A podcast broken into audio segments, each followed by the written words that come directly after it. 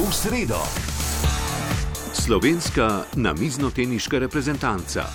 Bojan Tokič, Darko Jorgič in Deni Kožul.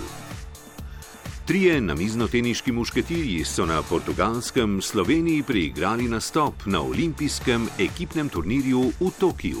V namiznem tenisu ni toliko pomembno, kdo je kapetan ekipe, ampak pomembno je, kako mi funkcioniramo. Mi smo v enem žargonu povedano res uredi klapa, čeprav je toliko let razlike. S člani prve naše ekipe, ki si je zagotovila nastop v Tokiu, se bo pogovarjal Dare Rupar. V sredo ob 9. zvečer na valu 202. Seveda bomo najprej eh, v tem večeru dali priložnost eh, za pogovor našemu najizkušenejšemu igralcu, trikratnemu olimpicu, sedaj že štirikratnemu olimpicu Bojanu Tokiču. V tem našem studiu smo se z njim pogovarjali tudi pred eh, nekaj leti ob tistih medaljah za evropskih prvenstv.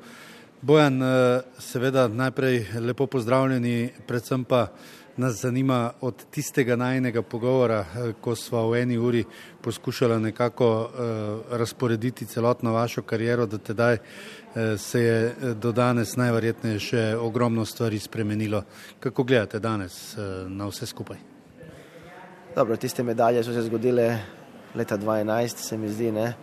tako da jaz mislim, da sem bolj zrel igralec postal. Mislim, da so moja najboljša leta prišla po 30. letu starosti, zdaj sem na robu 40-letnika, tako da še zmeraj aktiven, še zmeraj konkurenčen, bi rekel, svetovni eliti. In mislim, da sem s tem jaz tudi privilegiran, da moja karijera v tako poznih letih še tako dobra. Najviše, če se ne motim, ste bili na svetovni lestvici na 25. mestu, trenutno ste 62 kaj ta svetovna lestvica in te številke uh, zares pomenijo? Koliko uh, sami date na to, uh, na tem zadnjem turnirju v Gondomarju se je dalo videti, da te številke, predvsem v ekipnem delu tekmovanj, uh, veliko ne pomenijo. Za mizo je enostavno potrebno igrati z vsakim tistim, ki je, ne vem, 30 mest boljši ali pa recimo Irancem, ki ga niti ni na svetovni lestvici. Ja, jaz sem zmeraj govoril, da na mizni tenis ima res uh, široko bazo kvalitetnih igralcev. Ne glede, če je to igralec v top 10, top 20 in če je 40 na svetu, mislim, da tukaj se dogaja tudi velika presenečenja, posebej na svetovni prvenstvi. Če se spomnimo, kakšni igralci so uh, že leteli v prvem krogu, niso prišli ne med uh, najboljših 64, to so igralci, ki so bili top 10 na svetu. Tako da na mizni tenis ima res, kot sem rekel, eno široko široko bazo kvalitetnih igralcev, uh, ampak v vsakem primeru lepše je videti pozicijo 25. mesta na svetovni lestvici kot 50. ali pa 100. Je pa res, da se je tudi veliko stvari spremenilo, točkovanje smo spremenili, zdaj igramo olimpijske kvalifikacije, ki nimajo nobenega smisla za svetovno lestvico, nobenega točkovanja, ne prenese nobene točke. Tako da jaz mislim, da ITTF, Mednarodna zveza, dela veliko nesmotrenih napak, ampak tukaj v zadnji so neki drugi interesi, ki jih mi, igravci, ne moremo razumeti. Mladi Samsonov, tudi vaš eh, prijatelj, nekoliko starejši še od vas, ki je še vedno za mizami, eh, je imel veliko željo kaj spreminjati, vsaj eh, nekako povedati veljakom, kako naj gre šport naprej, ampak enostavno ga ne poslušajo. Jaz se Samsonova spomnim kot vodjo igralcev, ki je bil na tej funkciji sedem let in ki je seveda sam odstopil. Bil je zelo aktiven, moram reči, sodeloval z nami, igravci, obveščal nas uh, redno po elektronski pošti, ampak na koncu seveda odnehal. Na moje osebno vprašanje, vladi zakaj, je rekel Bojan, nič nisem mogel spremeniti. Tako da mislim, da to da veliko pove, če to je en Vladimir Samsonov, tak velikan tega športa in razumen človek, če pove takšne stvari, potem nam je vsem vse jasno. Je pa dejstvo, da v teh pogovorih prav veliko niso sodelovali tisti, ki bi morda lahko kaj spremenili, najboljši kitajski, najboljši azijski igravci. Drži, samo azijski igravci imajo handicap, ki pač ne govorijo angliškega jezika. Z njimi stopiti v stik je misija nemogoče. Mislim, na vsakem turnirju kitajska reprezentanca ima sabo prevajalca in tako naprej. Tako da z njimi po elektronski pošti komunicirati je nemogoče.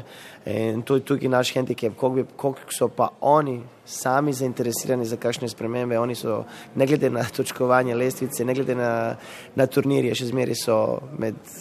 Seveda so najboljši in tako potem tudi njihova neodzivnost je tukaj razumljiva.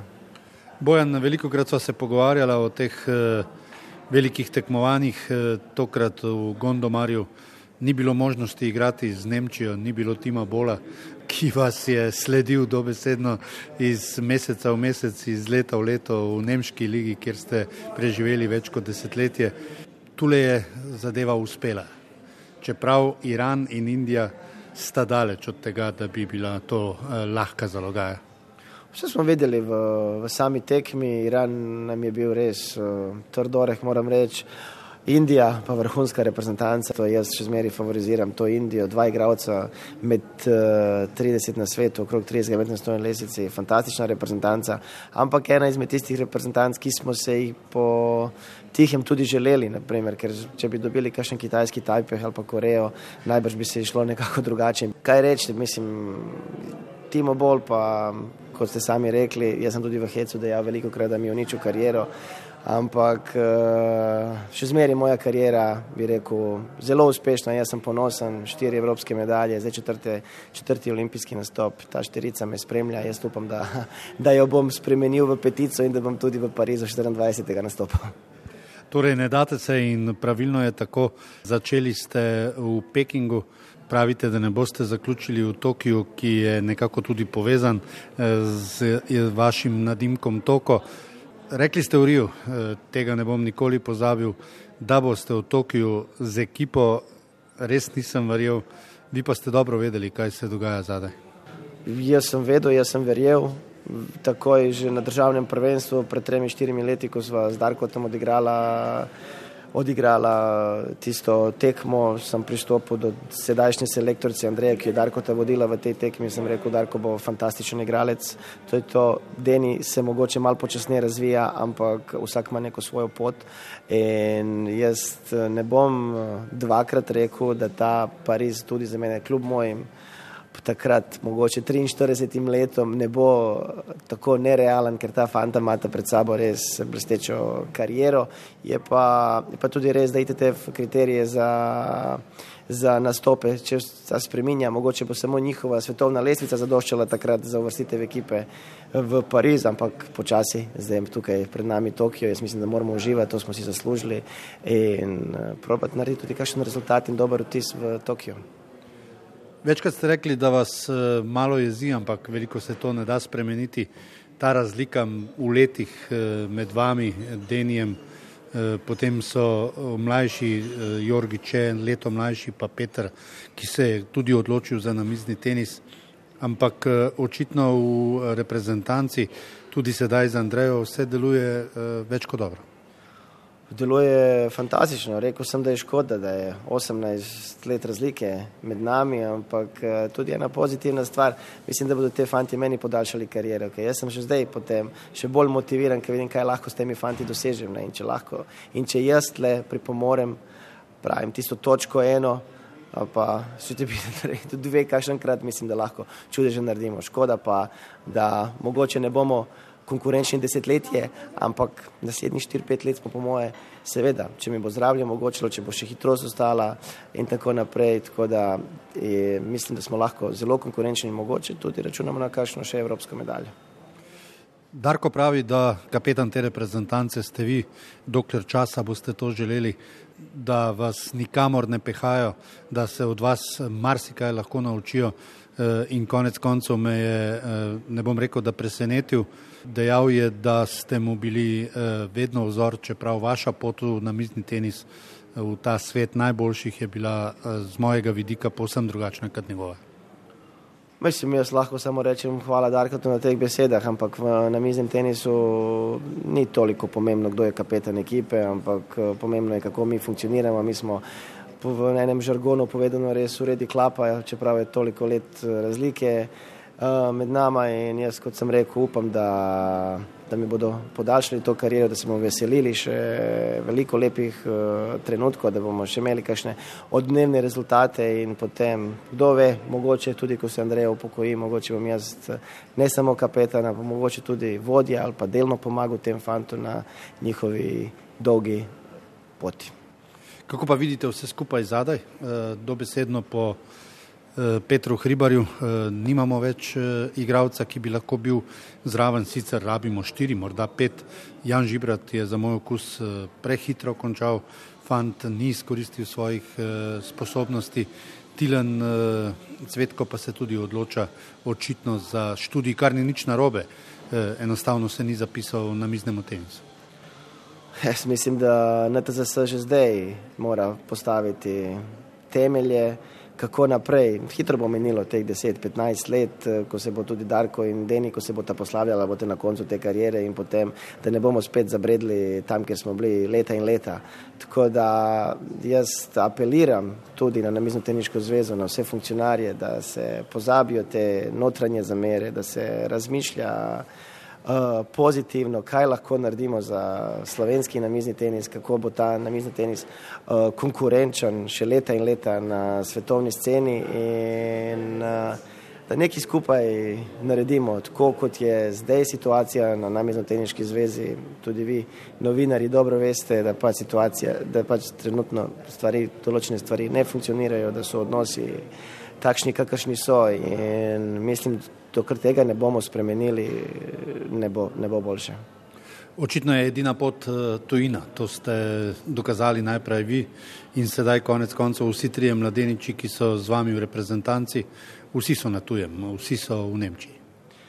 Dobro, jaz sem se odločil pri mojih 19 letih, da sem prerastel slovenski namizni tenis in če sem te v kaj doseč, sem mogel poizkusiti. Kot ste rekli prej, moje podenje in Darko te je bistveno različna. Ona dva sta imela, Jožeta Urha imela sta usmerjenost tisto, ki jim je stal eh, cel čas ob strani in eh, pri vseh odločitvah in spremljal njihovo športno pot. Jaz sem se pač mogel sam odločiti, kako kaj naprej, iti v Nemčijo, vsakega tujega trenerja vprašati za kakšen nasvet, prositi tuje reprezentance za, za priprave, ki so mi šli marsikateri na roko, mazici, japonci, bi rekel, Nemci, ne vem koliko priprav sem samo z Nemci naredil, ampak pravi, moja pot je bila, ampak tudi to je ena pozitivna, pozitivna stvar.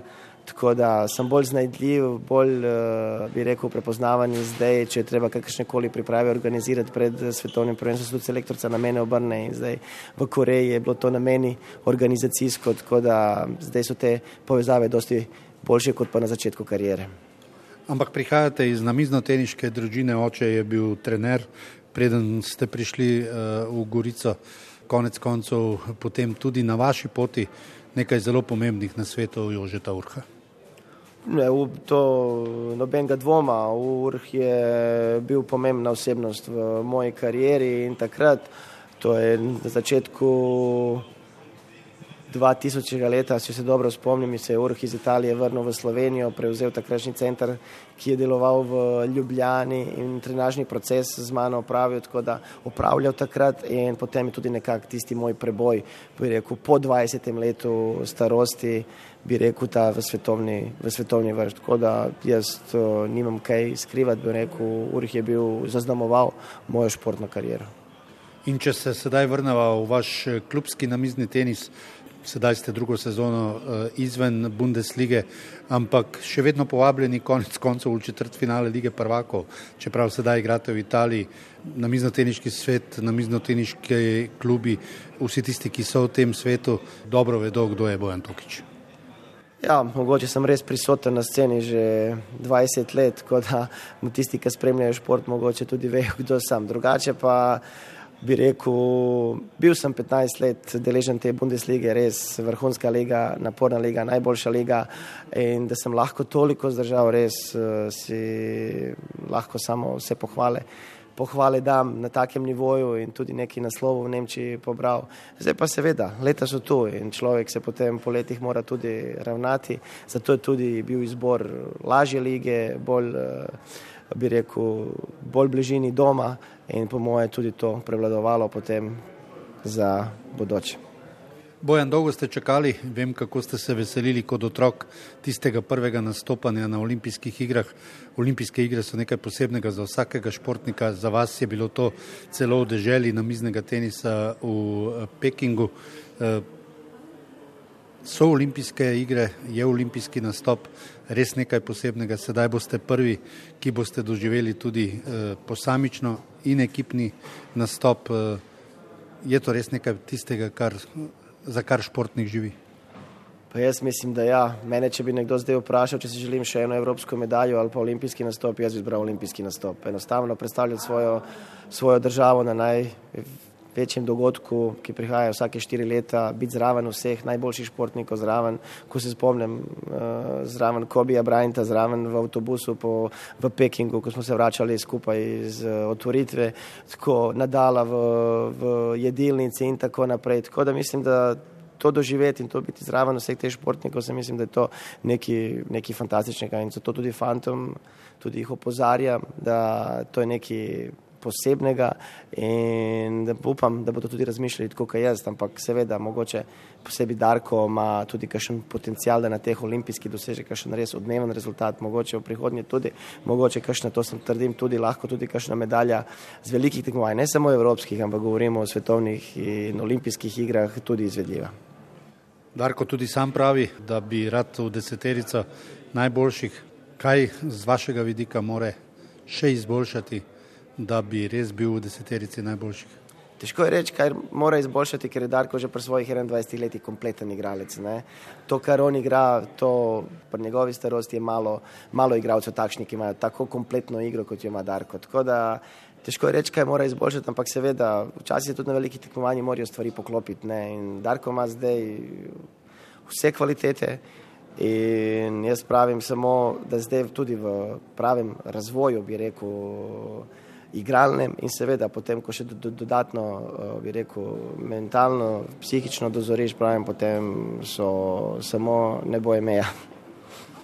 Samo še tole, četrtič boste na olimpijskih igrah, prav zagotovo eden najbolj izkušenih slovenskih športnikov, ki boste v Tokiju.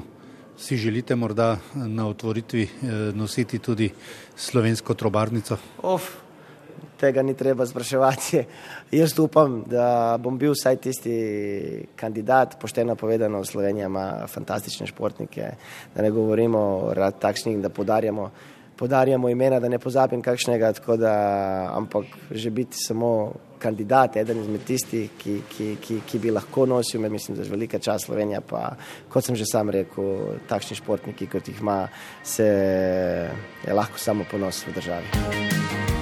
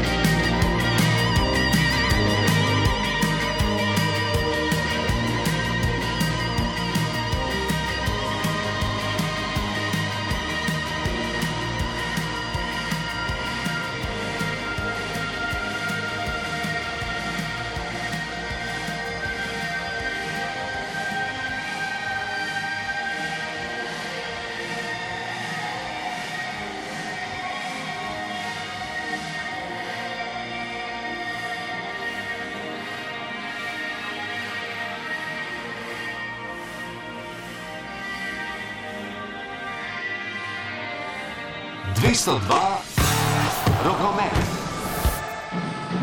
Dobro večer še enkrat iz rdeče dvorane med namiznim tenisom in oddajo v sredo. Tudi še nekaj derbija 17. kroga v prvi slovenski rokometni ligi Gorenje celje v 56 minuti 21-21 izredno napeta tekma. Tudi v drugem polčasu prvega so dobili celjani minimalno za gol za 11 proti 10, to da potem že po 30 sekundah drugega dela ostali brez Matica Grošlja, ta je dobil neposreden rdeč karton zaradi prekrška nad okleščnom in potem so v tistih minutah eh, bili znova v spredju velenski rokometaši, pobegnili so v 39 minuti celo na štiri gole prednosti, kar je bila najvišja prednost katerega koli moštva v tem eh, dvoboju. Zdaj pa 22-21 po golu Mihe Kavčiča znova v 56 minuti, to je bil eh, tretji gol Kavčiča, krožnega napadalca, prvi v drugem polčasu. No, po tistem zaostanku so se celjani z minuto odmora hitro prebudili obrnili izid celo sebi v prid,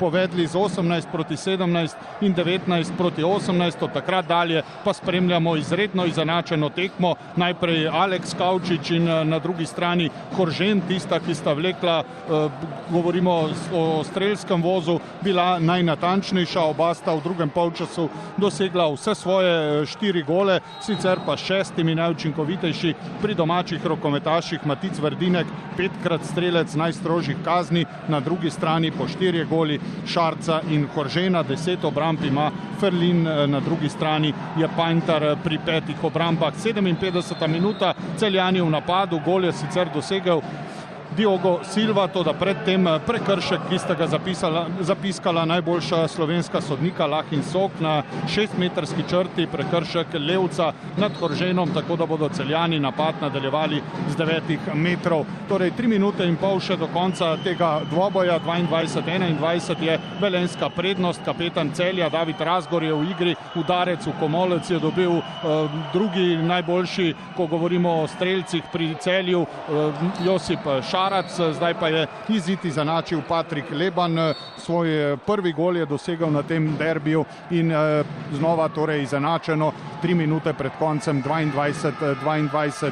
Štiri izključitve Velenčanov, dve v vsakem polčasu, na drugi strani trikrat kaznovani celjani že v prvem polčasu in dvakrat v drugem, če štejemo tudi tisti rdeči karton, zaradi katerega so bili z igravcem manj dve minuti v takoj na začetku drugega polčasa, sicer pa 3 minute in 40 sekund do konca Velenčani v napadu, ki, bo kmalu, ki ga bodo morali kmalu zaključiti s strelom proti golu vratarja Klemna Ferlina. Obe eh, zasedbi precej oslabljeni v tem pripravljalnem obdobju, ko so bile na vrsti reprezentance, Matanovič in eh, Hastelič sta manjkala pri Velenčanih, medtem ko so pri celjanih bili odsotni Klemen Ferlin, pa tudi Josip Šarac, deloma Matic Grošelj in Diogo Silva, ki je bil na rehabilitaciji. Tilen Kodrin je odigral celotno prvenstvo slovensko reprezentanco, tako kot Kristjan Horžen, povratnik na igrišča po poškodbi, pa tudi Domen Makuc, danes razigran v prvem polčasu s tremi goli, eden od najzaslužejših, da so celjani prišli do prednosti, potem pa v drugem polčasu znova tisti, ki je poživil igro v napadu, napadu, ko so se celjani najbolj mučili, ne gre, ni šlo celjanom, ko je igro vodil Patrik Leban. Dve minuti sta še do konca in štiri sekunde, izid še vedno izenačen, 22-22, morda ujamemo razplet eh, še v tem eh, večeru na valu 202, še pred nadaljevanjem športno pogovorne odaje v sredo, sicer boste o končnem izidu obveščeni v športnem eh, delu zrcala dneva, zdaj so velenčani še vedno v napadu ob dvignenih rokah sodnikov Laha in Soka, še štiri podaje bodo imeli na voljo, potem pa je sprožil odaleč Matanovič, eden najnižjih na igrišču prek celskega bloka, to da tudi mimo celskih vrat, tako da celjani zdaj v priložnosti v zadnji minuti in 50 sekundah, da pridejo do novega vodstva. Izredno izenačeno torej na tekmi celja in velenja. Velenčani čakajo na zmago proti celjanom vse od 28. septembra 2013, ko govorimo o prvenstvenih derbijih, na zadnje so prekinili ta črni niz šestletni eh, v pokalnem eh, obračunu lani v polfinalu, ko so potem eh, celjani izpadli, velenčani pa osvojili Lovoriko, pokalno in se veselili tudi zmage nad večnim rivalom. Še minuta in 20 sekund je do konca, celjani že v dvignjenih rokah, potem pa vratnica ob obrambi Pantarja, sreča pa v roke žoga odbita dotilna kodrina in ta skrila zadeva svoj tretji gol za 23-22 celske prednosti minuto do konca. Torej 23-22 vodijo celjani, morda ujamemo razplet, ne, očitno ne bomo, kajti minuto odmora je zahteval Zoran Jovičič o končnem razpletu tega derbija, torej v športnem delu zrcala dneva. Celjani vodijo 23-22 v zadnji minuti. V sredo. Ja, v tem večeru, ko govorimo o namiznem tenisu, brez dvoma ne moremo mimo našega v tem trenutku najboljšega igralca Darka Jorgiča. Darko bo šele letos poleti v času olimpijskih iger dočakal 22 let. Je eden najboljših igralcev v teh letih na svetovni lestvici. Le dva eh, igralca, sicer mlajša, sta pred njim. Darko Jorgič, Izbrali ste si namizni tenis. Večina fantov, ko se odloča za šport, bi radi zašli v nogomet. Ste vi kdaj razmišljali, da bi raje bili nogometaš kot pa igralec namiznega tenisa? Vemo, kaj to v končni fazi pomeni. Uh, ja, v bistvu nisem razmišljal, da bi bil nogometaš, ampak sem bil na začetku karijere svoje uh, polovično uh, košarkaš in polovično namizno tenisač. To so mi trenerji rekli, da se moramo odločiti za en šport, kajti v dveh športih ne moreš biti vrhunski. In uh, tako nekako no, sem uh, začel tudi na mizni tenis in na koncu se je dobro obrestovalo. Vam je bilo kdaj žal, brat je bil v košarkarskih vodah, vemo, da Hrastnik ni prvoligaško središče. Vam je bilo kdaj žal, da ste se odločili tako, kot ste se, za večino šport, ki ni pretirano prepoznaven? Ni mi bilo nikoli žal, ker sem res takoj, ker sem odigral prvi turnir, sem še dobil medaljo in to me je nekako dvignilo. Verjetno v košarki tega ne bi bilo, tudi teh možnosti ni bilo takšnih. In jaz res sem vesel, da se je tako tudi zaključilo in nikoli ni mi res ni bilo žal za te stvari. Hrastnik je bil nekdaj središče namiznega tenisa, tudi v nekdani skupni državi zelo, zelo pomembno središče. 70 let je namiznega tenisa v vašem mestu. Kako ste sploh zašli v namizni tenis? Ste takoj vedeli, da imate roko za to? V vrtu sva bila od trenerja, skupaj sva bila v, v vrtu in me je nekako povabil samo na trening. Potem sem nekako samo štartal in trenerji so takoj že videli, da imam roko za to. Sicer prvo nisem verjel in sem še vedno treniral košarko, ampak potem, ko sem dobil prvo medaljo, sem nekako začel verjeti, da je res to to in uh, pustil košarko in začel trenirati samo na mestni tenis. Darko, tudi pri košarki pravijo, da moraš imeti roko. Je velika razlika imeti roko za košarko ali imeti roko za namizni tenis? Vsekakor, mislim, da je. Uh, roko v košarki ali roka na nizem tenisu je malce razlika, ampak vse posod je potrebno malo talenta in dobre roke. Men, meni se je pač izkazalo v namiznem tenisu res super. Ko ima nekdo talent, običajno rečemo, eh, potem bo malo bolj len, malo manj bo treniral, malo manj bo kondicijskih priprav. Vas je kdaj to prijelo, da ste rekli, saj sem tak talent, da samo s talentom lahko premagujem eh, vsaj doma eh, konkurenco? Me je prejelo večkrat, bom rekel, ampak uh, trenerji, ki mi stojijo ob strani, so mi vedno rekli: nisi talent, nisi talent, moraš trenirati. In uh, tako se je pač to tudi izkazalo. Drugače, verjetno bi jaz tudi kot nekateri drugi igravci malce manj treniral in igral samo na talent. Če sedaj pogledamo, kaj je bilo tisto, kar je bilo najbolj pomembno v vašem razvoju, kaj bi vi sedaj kot 21-letni uh, fant oziroma sedaj že počasi tudi mož eh, in tako naprej, omenili za tisto najpomembnejše dejanje, ki ste ga storili, pa če izuzameva, eh, da ste se odločili za Nemčijo zelo, zelo hitro. Največji preskok jaz mislim, da je bil, da smo v Sloveniji odprli ta namizno-teniški center, ker sem napolnil 15 let in se začel uh, hoditi v srednjo šolo. to je bil, jaz mislim, nekakšen ključ, uh, ker v Hrastniku prej nismo imeli teh možnosti, da bi treniral več. Treniral sem samo uro pa pol na, na dan, potem, ko smo odprli ta namizno-teniški center, sem lahko treniral dvakrat na dan in potem so se začeli kazati neki vrhunski rezultati že. Če se lahko spomnimo, že medalje na Evropskem prvenstvu za člane, takoj, uh, mislim, da je to bil nekakšen preskok in tudi, da sem uh, dosti hitro začel igrati v tujini, uh, prvo leto v Italiji in takoj v svoji tam ligo z Denijem so osvojila, potem pa tudi v Nemčiji. Očitno ste bili tudi dobro vodeni v tem centru. Center kot sam, kot prostor, praviloma ni dovolj, če ni uh, prave stroke. Uh, stroka je očitno poskrbela za vas, dobesedno ste vezani uh, in nekakšen namiznoteniški otrok Andreje Ojstršekur. Res je, mislim, da je stroka najbolj pomembna. Če nekomu verjameš, potem se lahko vse rezultati dosežejo, kar si pač zaciljaš. In uh, res, s, s vrhunskimi trenerji smo od začetka, že od moje kariere, ko sem začel igrati do zdaj, smo skupaj, uh, zaupam v njih, oni v mene in uh, zato so pač tudi rezultati. Imeli ste morda še eno srečo, ne vem, leto starejši Deni Kožul, čeprav ste ga hitro prehiteli, pa Deni vedno eh, prav uživa, ko on tudi na treningu pri ogrevanju vzame kakšen niz. In pa konec koncev tudi Petr Hribar, eh, leto mlajši, eh, ki se močno trudi, da bi prišel zraven. Njegov napredek je morda v zadnjem letu celo največji med vsemi igravci, ko pogledamo lestvico iz 900 na 300. To je ogromno, čeprav v tistih vodah, kjer ste sedaj vi, pa je precej, precej teže narediti korak naprej. Kljub vsemu ste imeli neko generacijo, ki je obetala in na koncu sta se na srečo oba tudi odločila, Tilen Cvetko žal ne, za ta popolno predajo na miznemu tenisu.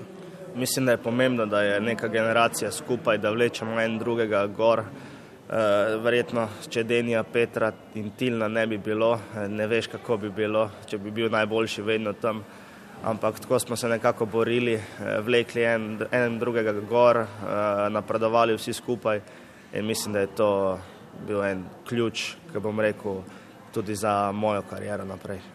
Nekateri so razmišljali, ko ste odšli v Italijo, da je to napačen korak, da pač italijanska sredina naj ne bi bila pretirano boljša od slovenske, ampak eh, Jože in Andreja sta ravno to italijansko Eh, področje odlično poznala, vedela sta, kam vas eh, pošiljata in zakaj. Vam najverjetneje nikoli ni bilo žal, da ste naredili ta korak prek Italije v eh, eno najmočnejših lig, če ne najmočnejšo na svetu. Meni res nikoli ni bilo žal za Italijo, ker mislim, da če narediš takoj en korak v tujino, v najmočnejšo ligo, verjetno nimaš samo zavesti, bi te pokopali, bi tako po domače rekel, ampak v Italiji, ko sem prišel, sem bil med boljšimi igravci, eh, nekako sem zmagoval jaz tekme, nisem izgubljal in to je bilo nekako najbolj pomembno v tistem momentu. Potem pa, ko dozoriš že enkrat in ko dobiš neke zmage eh, nad top igravci, bom rekel, te vidijo večji klubi in tako se je tudi pri meni zgodilo, so me poklicali. Sprva nisem verjel, da bom lahko tako dobro igral, sploh prvo sezono, ko sem podpisal v Nemčiji, ampak eh, na koncu je bilo vse boljše in boljše in uh, res sem presrečen in mislim, da je to bila zelo dobra odločitev, da sem šel v Italijo že takoj prvo sezono. Je Nemška liga res nekakšen uh, eh, namiznega tenisa? Pravijo, da je ogromno zaslužka, uh, pa manj kvalitete, recimo uh, na japonskem, uh, na kitajsko se pač ne da, uh, recimo v Rusiji. Vemo pa, kaj pomeni uh, zvezdna liga oziroma Bundesliga v namiznem tenisu uh, v svetu. Ja, vsi pravijo, da je eh, Nemška liga kot NBA. Mislim, da najboljši igralci vsi igrajo v Nemčiji. Uh, Rusi pač imajo finančne, uh, finančne te možnosti, da lahko plačajo najboljše igralce, ampak imajo samo dva kluba.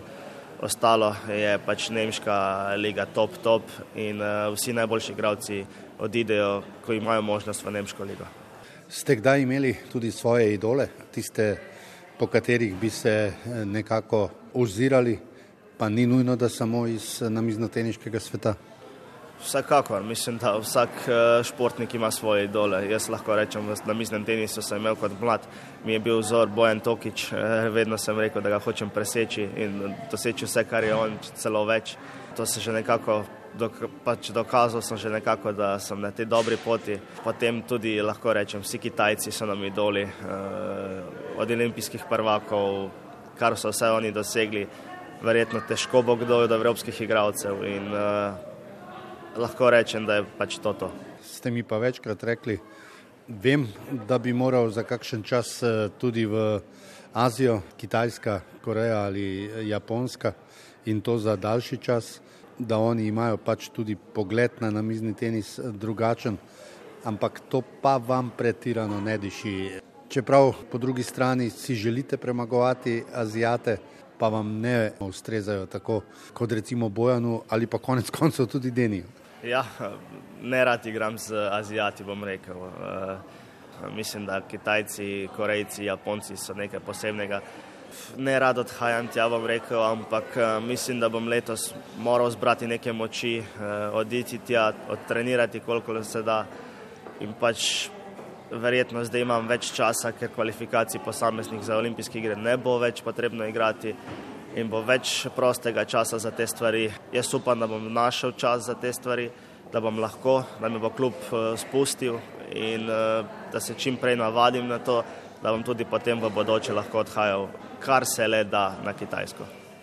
Če sedaj še enkrat eh, se vrnemo k temu Iranu in pa Indiji, marsikdo bi na hitro pomislil, saj to pa ni nič posebnega, ampak eh, pozabljajo, da je Indija med desetimi državami na svetovni lestvici, da je bila na tem turnirju peti nosilec in to ste premagali. Vi pa ste stopili za mizo štirikrat in štirikrat tudi, eh, ne bom rekel, da gladko, ampak zelo, zelo zanesljivo zmagali. Pri vaših letih je to še en dokaz, da merite više od 40. mesta na svetovni lestvici. Večkrat ste mi že rekli, prvih deset. Je to res uresničljivo? Ja, jaz upam, da bo. No. Trenutno zdaj to sezono bom probal še priti čim više po lestvici, glede seeding list, glede olimpijskih iger, da bomo čim više. Kaj naj rečem? Indija eh, v zadnjih letih je dvignila zelo nivo igre. Eh, verjetno, če bi prej gledali v preteklosti na mizni tenis v Indiji, bi rekli, kaj je to. Zdaj pa ne vem, ali jih je pet ali jih je šest ali jih je sedem igralcev med sto na lestvici. Igrajo res poseben na mizni tenis, hiter na mizni tenis, eh, za neke neugoden.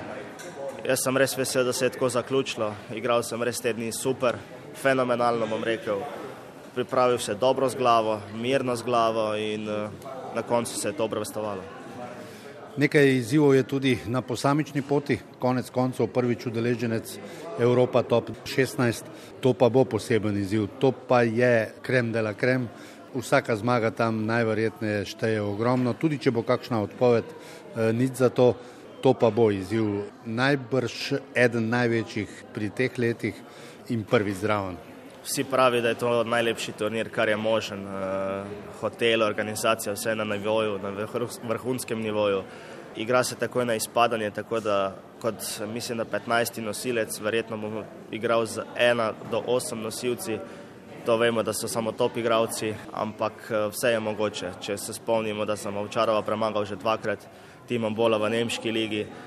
Vse bo odvisno od forme. Trenutno je forma vrhunska, turnir se bliža, bom rekel ampak eh, tudi od dnevne forme bo odvisno. Eh, upam, da me zdravje, pač da bo zdravje zdržalo in eh, vse je mogoče. Dobesedno ne bo prostega tedna do uh, Tokija. Kaj vse vas čaka?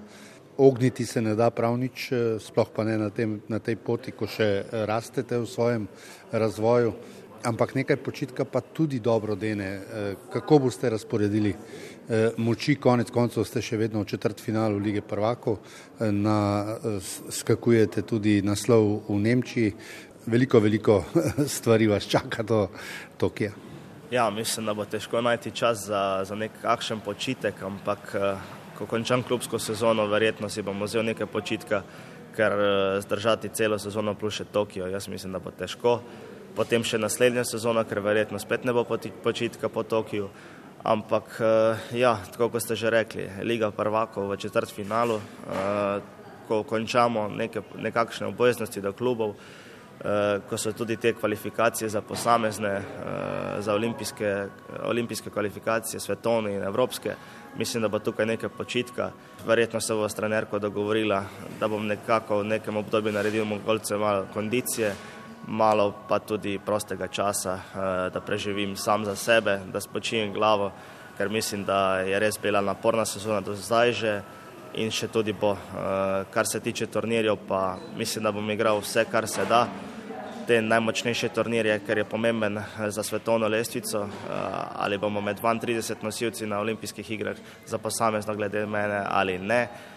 Jaz upam, da se pospneš čim više po lestvici, da bo seeding še večji in uh, potem bo tudi vse laže, da ne dobiš takoj prvo tekmo Kitajsko, kot sem že rekel, mislim, da potem bo res težko premagati Kitajce. Trenerka Andreja pravi, da imate v sebi še približno 15 do 20 odstotkov rezerv pri eh, tehniki oziroma pri načinu igranja, da se da eh, izboljšati predvsem še en ali dva načina eh, servisa. Nekateri pravijo, da tudi v kondiciji je nekaj možnosti napredovanja in pa predvsem v psihološki pripravi. Se s tem strinjate? Strinjam se res z vsemi stvarmi, kar je rekla trenerka. Mislim, da fizična priprava je pomembna, eh, tukaj lahko še dodam nekaj procentov, potem kot je rekla trenerka, servis in eh, prve žoge tudi lahko. Eh, delali bomo na tem, da do olimpijskih to probam čim bolj popraviti in jaz upam, da mi to uspe. Darko, vas bomo do olimpijskih iger kaj videli tudi doma za modrimi mizami državno prvenstvo, odprto prvenstvo Slovenije, sicer Challenger, ne tisti najvišji nivo igranja. Boste kaj se predstavili tudi doma? Uh, bom, bom se predstavil, mislim, da sem vsako leto prišel do zdaj uh, in tudi trenutno. Uh, jaz upam, da mi uspe. Vem, da je takrat tudi Qatar Open eden najpomembnejših turnirjev v sezoni tudi za mene, ampak Probali bomo, kar je najbolj pomembno, čim večkrat pridite v Slovenijo, da te drugi vidijo, je res pomembno, kar bom in uh, jaz, jaz upam, da se naša ta čas, da pridem in se pokažem tudi v Sloveniji in drugim. Če ne drugače, pa na predstavitvi olimpijske reprezentance v juliju. Hvala lepa za pogovor. Hvala.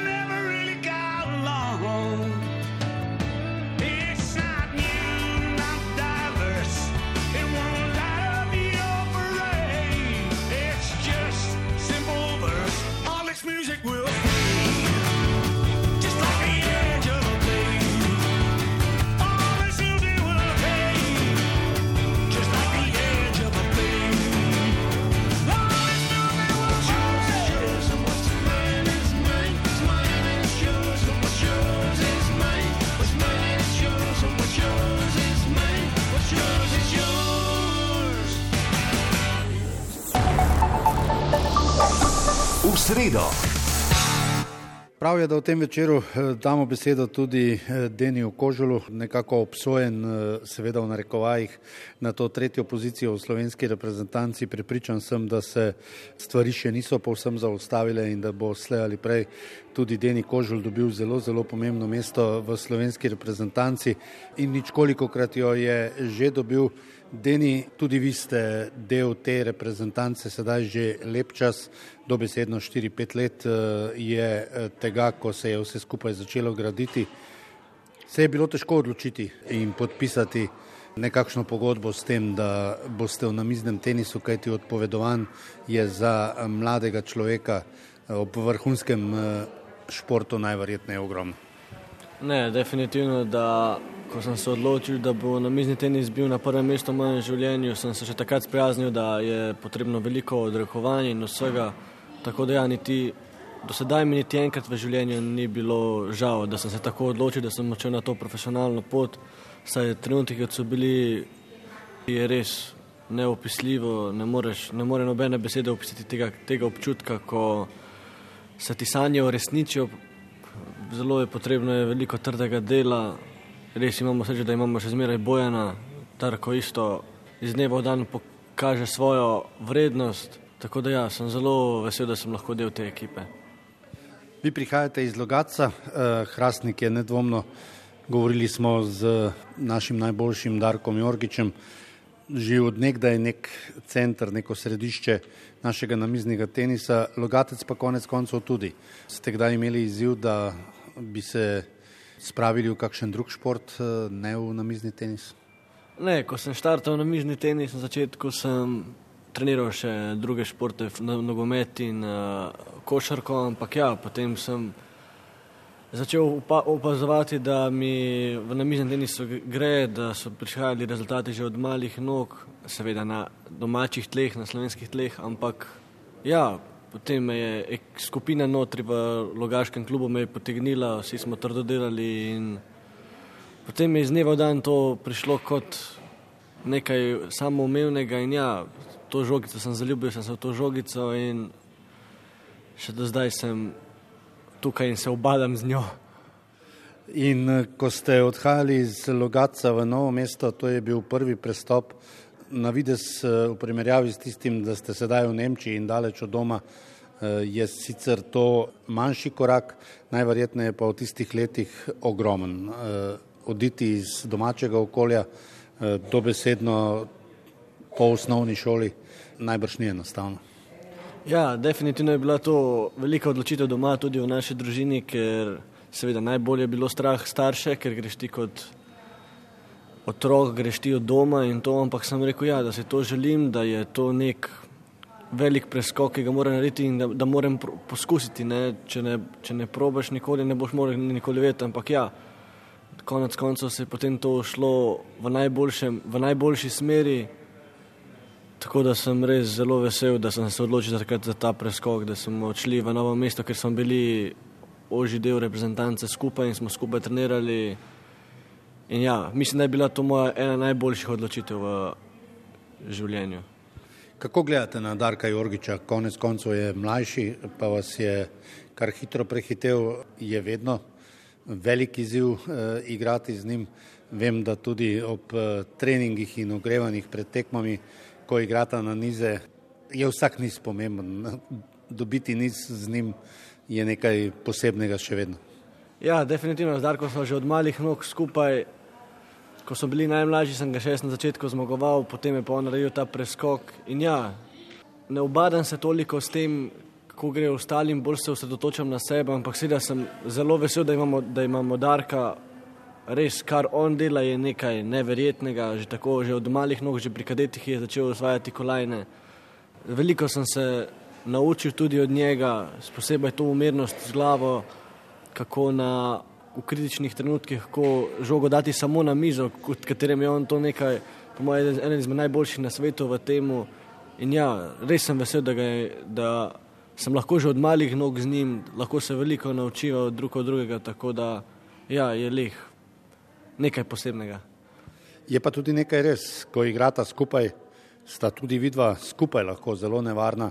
To sta konec koncev dokazala in v kategoriji mladincev in tudi kasneje, pa konec koncev tudi na tem turnirju na portugalskem.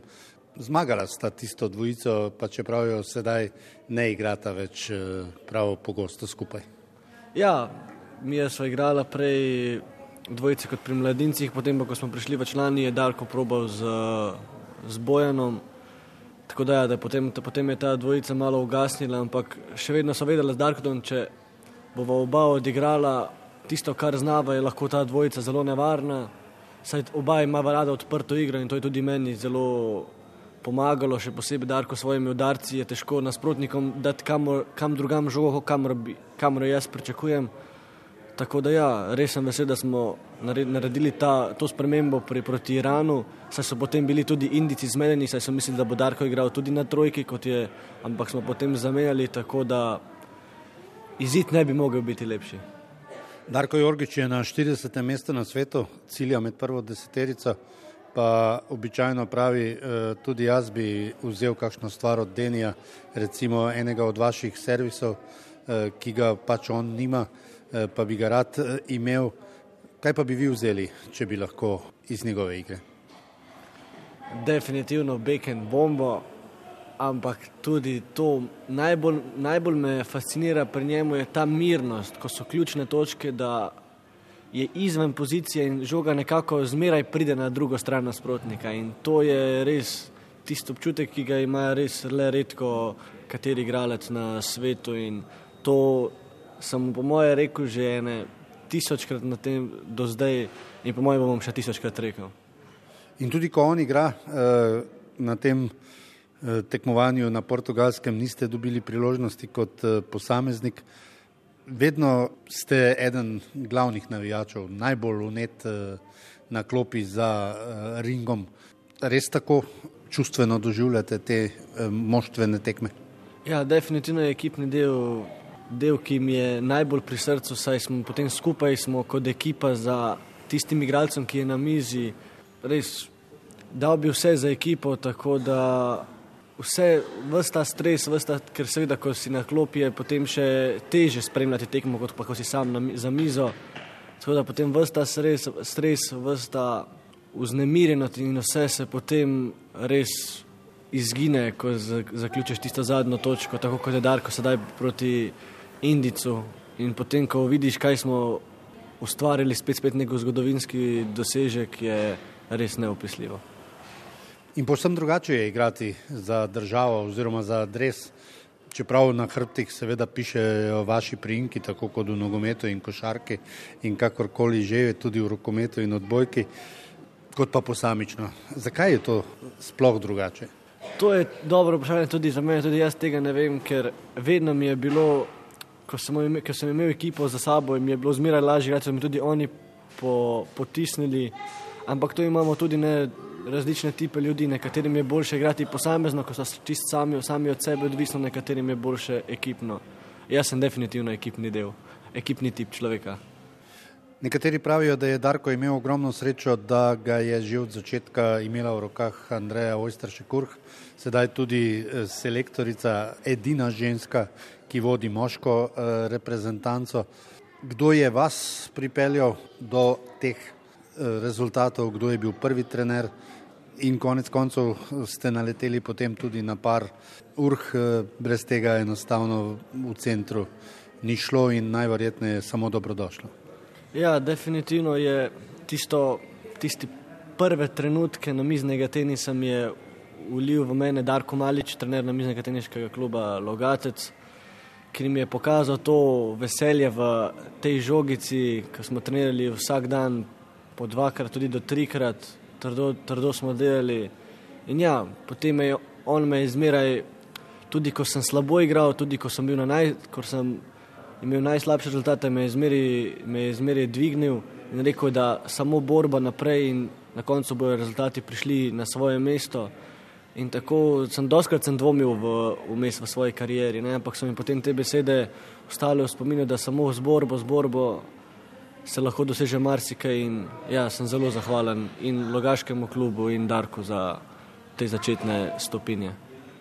Potem pa seveda center, pa sedaj konec koncev v Nemčiji, Andreja in uh, Jože. Že Darko je rekel, da to je neprecenljivo, da imata one dva možnost delovati v Sarbriknu klubu in pa predvsem, da tudi drugi iz precej bolj uveljavljenih eh, reprezentanc znajo črpati njuno delo, kar seveda pomeni, da imata neko inovativnost, da imata nekaj svojega, kar radi uporabljajo tudi drugi. Kako sami vidite to?